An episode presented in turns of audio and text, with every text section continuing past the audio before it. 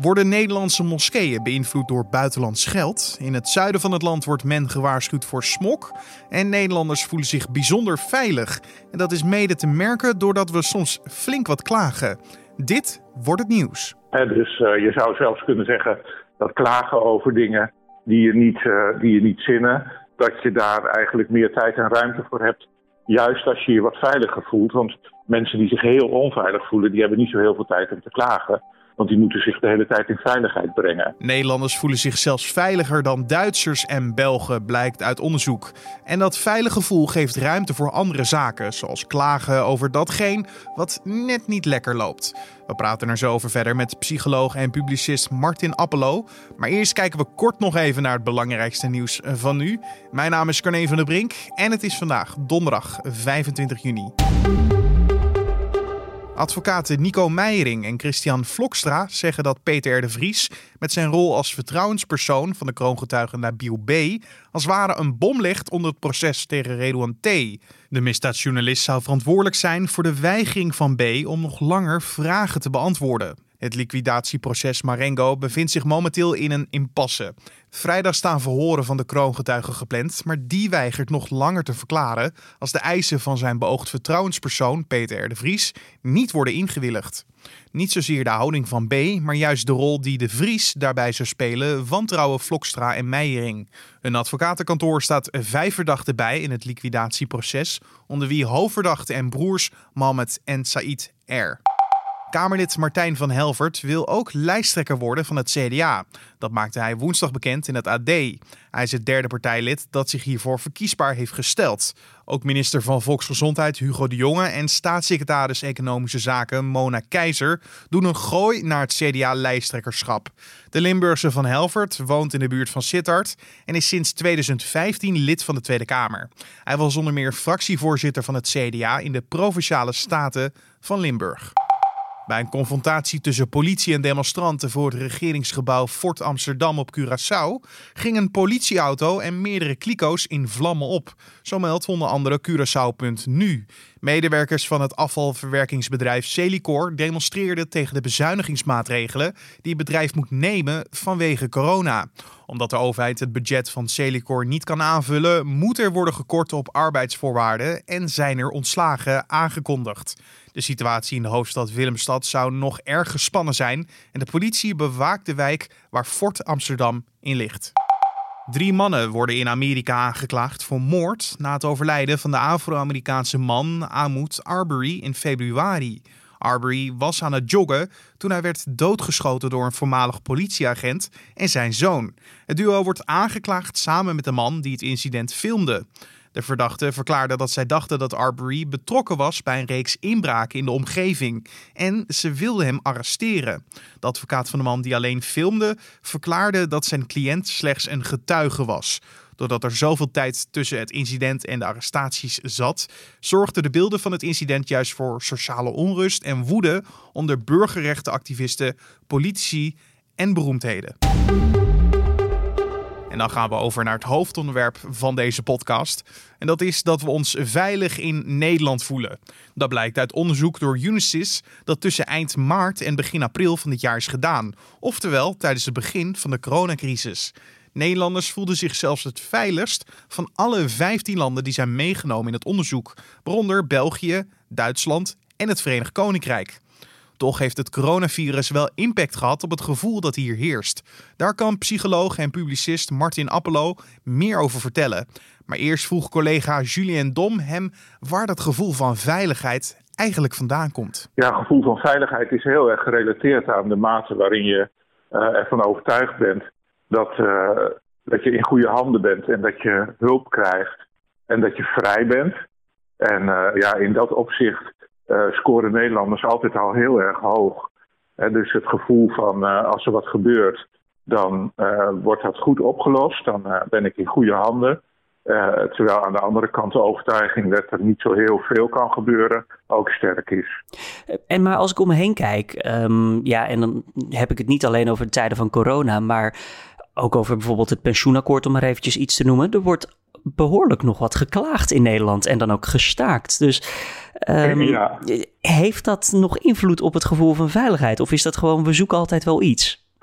Nou, iets ertussenin, denk ik. Hè, van, uh, je, moet, je moet het zo zien dat wij relatief uh, voelen wij ons het veiligst van, uh, van zo'n beetje de hele wereld. Um, maar we hebben natuurlijk ook altijd wel wat te klagen. En dus je zou zelfs kunnen zeggen dat klagen over dingen die je niet, die je niet zinnen, dat je daar eigenlijk meer tijd en ruimte voor hebt. Juist als je je wat veiliger voelt. Want mensen die zich heel onveilig voelen, die hebben niet zo heel veel tijd om te klagen. Want die moeten zich de hele tijd in veiligheid brengen. Um, dus ook, ook, al voel je je veilig, er is altijd wel iets waar je ontevreden over kunt zijn. En uh, ja, Nederlanders hebben nou eenmaal de neiging om, om, om te onderschatten hoe goed we het eigenlijk hebben. Omdat we ons natuurlijk niet de hele dag met de hele wereld kunnen vergelijken. En relatief is er natuurlijk altijd wel iets waarvan je zegt, ja, dat kan beter. En daar gaan we dan uh, over protesteren. Ja, als we het dan hebben over uh, er kan het een en ander beter, um, zijn er voorbeelden van wat, uh, ja, ondanks dat we ons relatief goed veilig voelen, wat er dan toch beter kan? Nou ja, het onderzoek van Unisys is afgenomen in de tijd van de coronacrisis wereldwijd. En ja, dan zie je toch dat, dat we zorgen die mensen zich maken over hun gezondheid en dan met name de gezondheid van hun familieleden en ook wel over hoe, oh jee, hoe zal dit nu gaan met de economie, dat die toch wel de kop opsteken. Zo'n boodschap van de overheid, kijk even om naar elkaar, die komt dus blijkbaar wel aan. Dat zit in ons gewoon. Ja, dat zit in ons en dat sluit ook wel heel erg aan bij ons, onze neiging om te polderen. Hè. Dat is natuurlijk niet voor niks een Nederlands woord, van waarin we de, de neiging hebben als er gevaar is, dan moeten we dat met z'n allen oplossen. Hè. Het polderen komt, komt letterlijk voort uit het feit dat we met z'n allen door het water werden bedreigd en dat we dat alleen maar konden oplossen als alle partijen daarmee uh, gingen samenwerken. Ja, dat zit toch wel diep in onze cultuur en dat zie je hier ook uh, heel mooi gebeuren. En ja, als we dan nog doorgaan op die veiligheid, is, is het ja. terecht dat we ons zo veilig voelen? Het veiligst van alle landen die in dit onderzoek naar voren zijn gekomen? Nou, dat is, dat is wel heel interessant, want het is aan de ene kant wel en aan de andere kant niet. Als je kijkt naar de ene kant van wel, dan hebben wij in Nederland een ongelooflijk goed ontwikkelde gezondheidszorg. En zijn we, hebben we een, een land met een enorm sterk sociaal vangnet.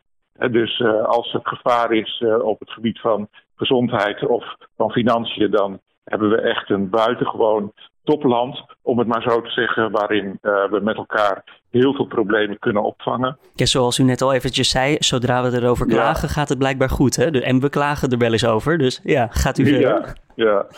maar aan de andere kant heb je bijvoorbeeld uh, op het gebied van uh, internetveiligheid. Zie je heel opmerkelijk in dit onderzoek dat Nederlanders zich steeds veiliger wanen op het gebied van, van internet security.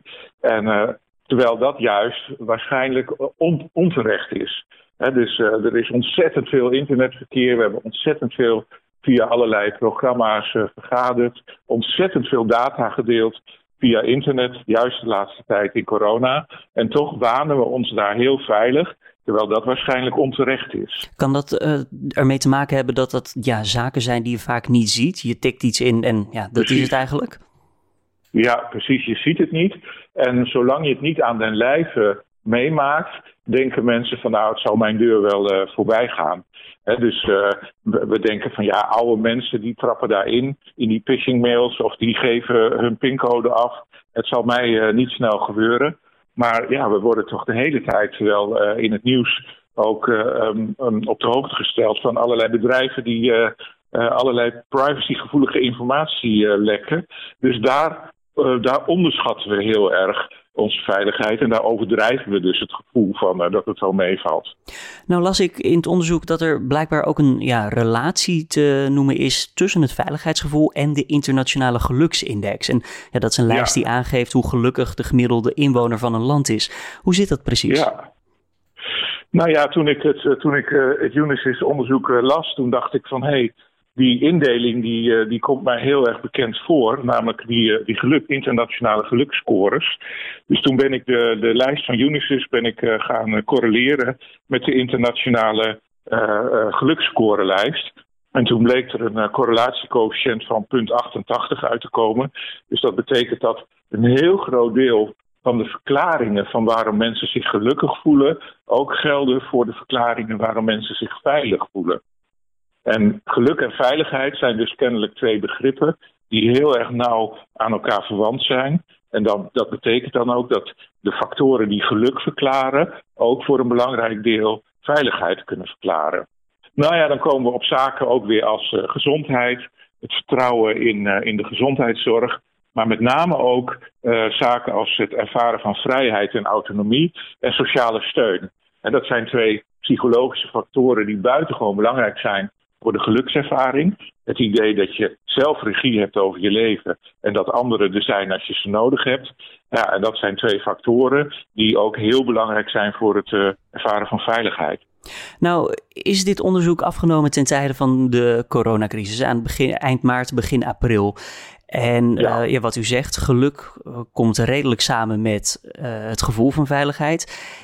Mm -hmm. In hoeverre is corona, corona, dan toch terug te vinden in deze lijst? Want we hadden het net al eventjes over, ja, mensen kijken ja. meer uit naar hun familie en dergelijke. Maar ja, voor mijn gevoel zou dat te weinig zijn. Maar ja, mijn gevoel is natuurlijk, ik, ik, heb de lijst toevallig niet ingevuld, dus ik ben niet onderzocht. Maar nee. misschien kunt u daar iets meer over vertellen? Nou ja, daar staat dus dat vertrouwen in onze gezondheidszorg tegenover.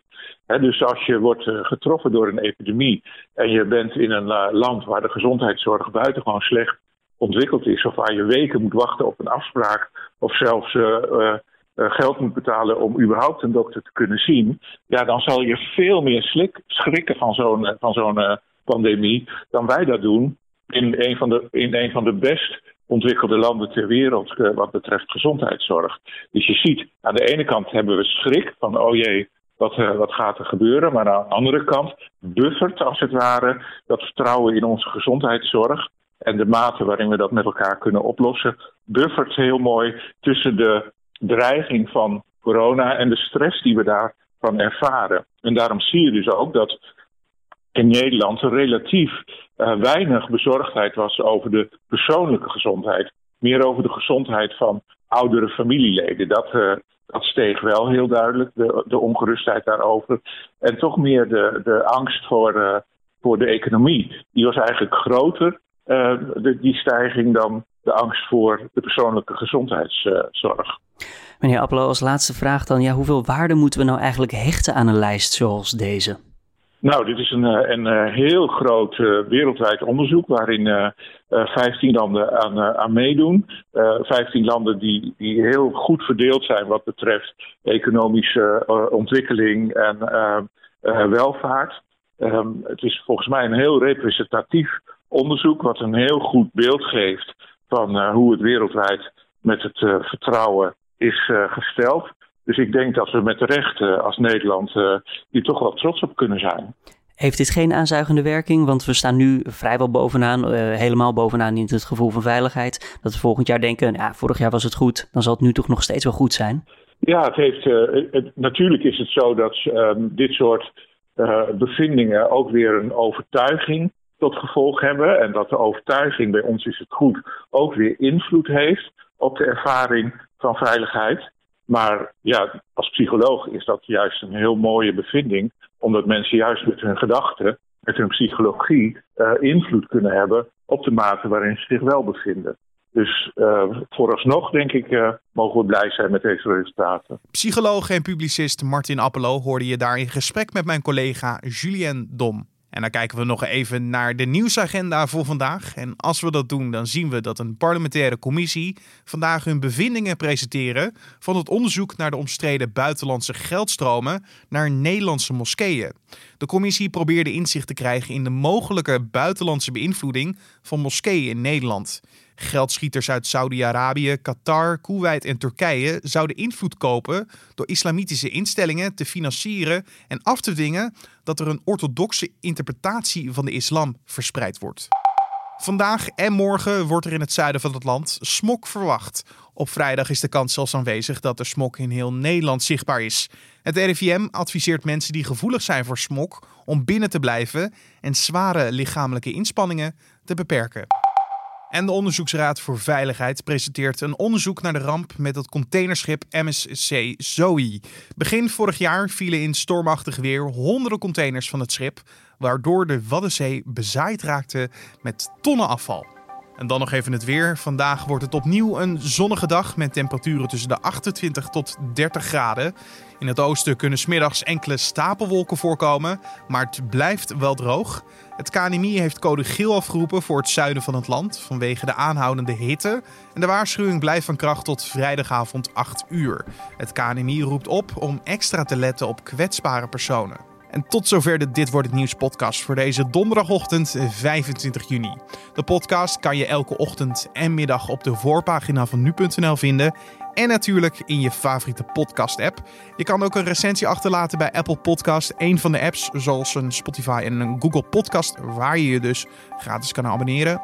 Als je een recensie achterlaat, dan kunnen namelijk anderen ook deze podcast weer makkelijker vinden. Dus dan zou je ons enorm helpen.